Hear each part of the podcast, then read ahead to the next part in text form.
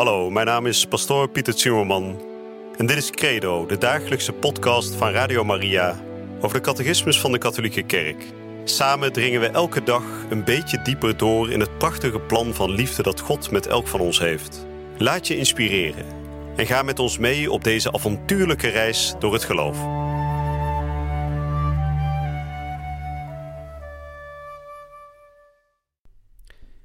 Vrienden, van harte welkom terug eh, bij het programma Credo. Dagelijks een klein stukje uit de catechismus. En we zijn de afgelopen dagen aanbeland bij dat o zo moeilijke, maar tegelijkertijd ook mooie dogma van ons geloof, de drie-eenheid. Ik heb er de afgelopen uitzendingen volop over gesproken en dat ga ik vandaag ook weer doen. En ik hoop dat u als luisteraar niet ontmoedigd raakt, want ja, het wordt vandaag nog iets ingewikkelder dan de, de vorige uitzending zelfs. Maar dat ehm, neemt niet weg dat als we deze horde eenmaal samen hebben genomen, dat het geloof toch ook weer wat makkelijker wordt, wat inzichtelijker wat we allemaal gaan bekijken. Maar vandaag even een, ja, een, een lastig stuk van ons geloof.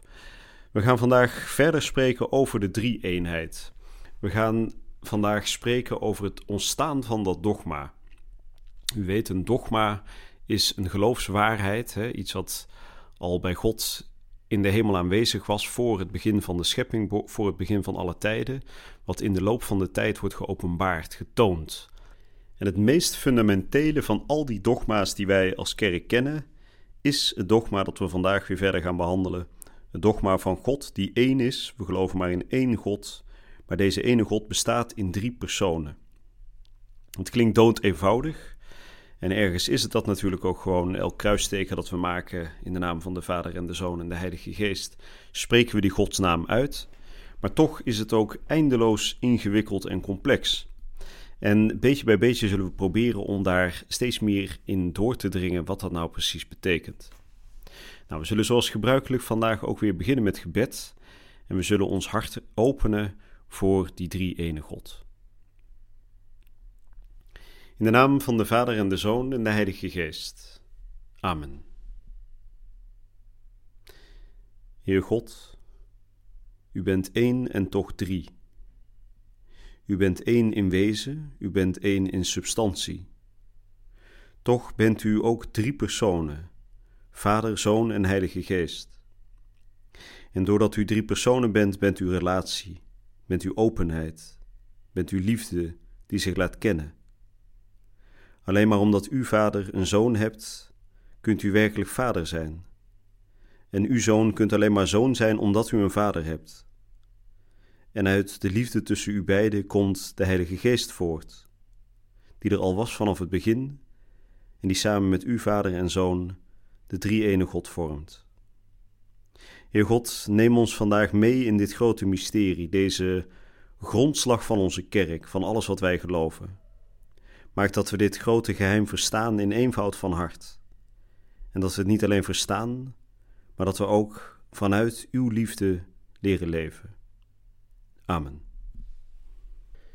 Voordat we zo dadelijk de nummers 249 tot en met 255 gaan behandelen, eerst een heel kort getuigenis uit mijn persoonlijke leven. Voordat ik God echt binnenliet in mijn leven, was voor mij de drie-eenheid eigenlijk iets wat ik heel moeilijk kon aanvaarden. Ik dacht, als God echt bestaat, dan is het één God. En ik vond de drie-eenheid een beetje ver gezocht, alsof God niet een soort wiskundige formule kon zijn. Maar op het moment dat God mijn leven binnenkwam, zei hij heel duidelijk tegen mij: Ik ben de drie-ene God. En omdat God het persoonlijk tegen mij leek te zeggen, wilde ik het wel aanvaarden. En ik denk dat dat een goede houding is voor ons allemaal. Dat we niet op voorhand zo'n complex thema als de drie-eenheid meteen afwijzen, maar dat we God eerst als het ware laten uitspreken. Waarom is hij niet gewoon één, zou je kunnen zeggen, maar waarom is hij drie-één? Nou, we gaan vandaag uh, de woorden van de catechismus bekijken en gaandeweg zullen we dit mysterie steeds verder ontsluieren. En ik lees voor vanaf 249. Het ontstaan van het dogma van de drie-eenheid. De geopenbaarde waarheid van de heilige drie-eenheid heeft vanaf het allereerste begin ten grondslag gelegen aan het levende geloof van de kerk, vooral door het doopsel. Zij komt tot uitdrukking in de geloofsregel van de doopsel, zoals deze geformuleerd wordt in de prediking, de catechese en het gebed van de kerk. Dergelijke formuleringen vindt men al in de apostolische geschriften, zoals de in de liturgie van de Eucharistie weer opgenomen begroeting laat zien. De genade van de Heer Jezus Christus, de liefde van God en de gemeenschap van de Heilige Geest zij met u allen. In de loop van de eerste eeuwen heeft de kerk getracht haar geloofsverstaan in de drie-eenheid uitdrukkelijker te formuleren. Niet alleen om haar eigen geloof te verdiepen, maar ook om het geloof te verdedigen tegen dwalingen die het misvormden.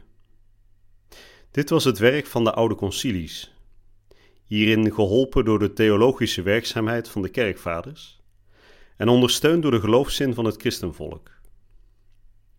Om het dogma van de drie-eenheid te formuleren, heeft de kerk een eigen terminologie moeten ontwikkelen met behulp van begrippen uit de filosofie: substantie, persoon of hypostase, relatie.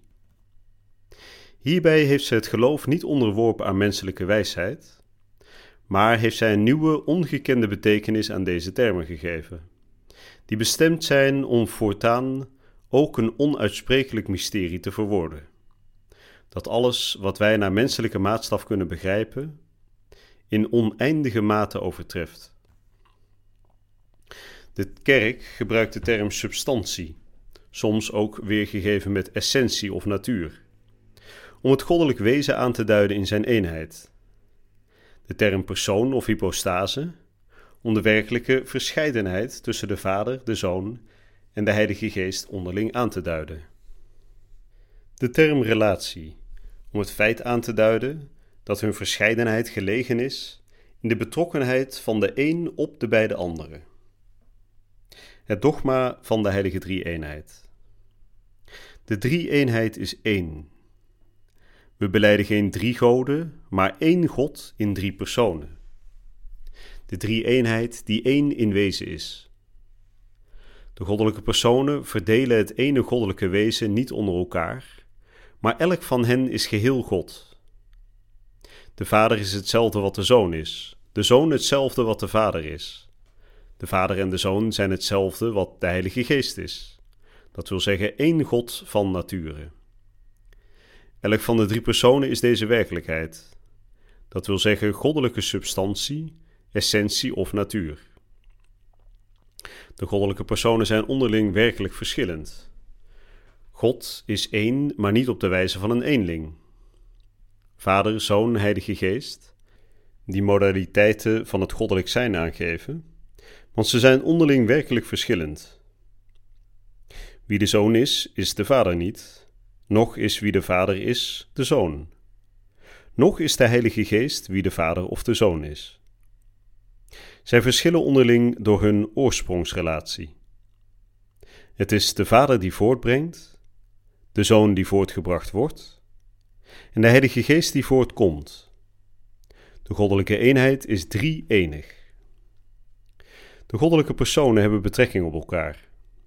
Omdat het werkelijke verschil tussen de personen onderling de goddelijke eenheid niet verdeelt, is dit verschil alleen maar gelegen in de betrekkingen waarin zij op elkaar betrokken zijn. In de betreffende namen voor de personen verwijst de Vader naar de Zoon, de Zoon naar de Vader en de Heilige Geest naar beide. Ook al spreekt men met het oog op een onderlinge relatie over drie personen, dan gelooft men echter toch in één natuur of substantie. Immers, alles is één. Daar waar geen tegenstelling van de relatie zich daartegen verzet. Op grond van deze eenheid is de Vader geheel in de Zoon en geheel in de Heilige Geest. De Zoon is geheel in de Vader en geheel in de Heilige Geest. De Heilige Geest is geheel in de Vader en geheel in de Zoon. Nou, dat waren de nummers 249 tot en met 255. Zoals gezegd, ja, wel een beetje ingewikkelde materie waar we het over hebben. Maar kort samengevat um, staat hier dat God dus één in wezen is. Hè? De substantie wordt dat ook wel genoemd.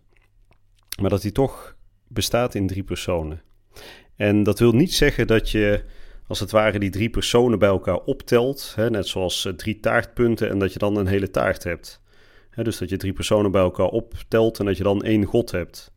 Nee, zegt de catechismus, in elk van die personen is de godheid, de goddelijkheid, God zelf, volledig aanwezig. Het is dus niet als je over Christus spreekt, dat je dan over een derde God hebt. Of wanneer je over de Vader spreekt, dat je dan over een derde God spreekt. Of wanneer je over de Heilige Geest spreekt, dat je dan één partje van die taart pakt, een derde deel, en dat dat dan één stukje van God is. Nee, in die losse personen, die onderscheiden personen, is God volledig aanwezig.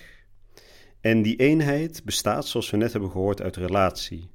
De zoon is zoon in relatie tot zijn vader. En de vader is relatie in relatie tot zijn zoon. zoals de Heilige Geest ook Heilige Geest is in relatie tot de vader en de zoon.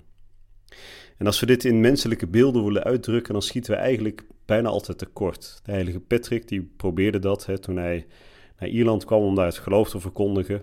En hij plukte een klavertje drie en hij liet zien, kijk, zo is de drie-eenheid. Drie blaadjes aan hetzelfde plantje, maar de natuur, hè, de substantie van dat plantje, is in al die drie blaadjes gelijk. Maar die vergelijking gaat natuurlijk helaas niet helemaal op, hè, want wat ik al zei, God is niet drie personen die bij elkaar optelt hè, als drie taartpunten die dan samen één taart vormen. Nee, in elk van die personen is God volledig aanwezig. Dus op het moment dat we naar Christus kijken, is in Christus de Vader volledig aanwezig. Zoals Christus ook zegt tegen Filippus: Wie mij ziet, ziet de Vader. En op het moment dat we naar de Heilige Geest kijken, dan zien we daar ook volledig de Vader en de Zoon aanwezig. Nou, we zullen daar de komende uitzendingen nog meer over gaan praten. Hè. We zijn nu, zoals ik al zei, het tipje van de sluier aan het lichten. We zijn als het ware het mysterie uit de doeken aan doen. En ik zal toch met een paar vergelijkingen nog proberen iets duidelijker te maken de komende dagen. Hoe het kan dat God niet alleen maar één is, maar dat Hij drie-één is. En wat dat betekent.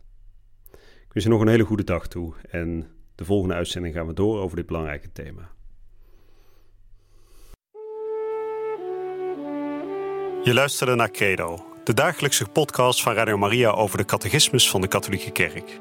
Credo is iedere werkdag te beluisteren op Radio Maria. Maar je kunt de afleveringen ook in je eigen tempo terugluisteren op onze website, in de app of op Spotify en de andere platforms. Via de website radiomaria.nl vind je dagelijks de link om de bijbehorende teksten uit de catechismus mee of terug te lezen. We zijn erg dankbaar voor alle giften die wij mogen ontvangen. Daardoor kunnen we ons goede werk blijven doen. Draag je ook bij aan deze missie?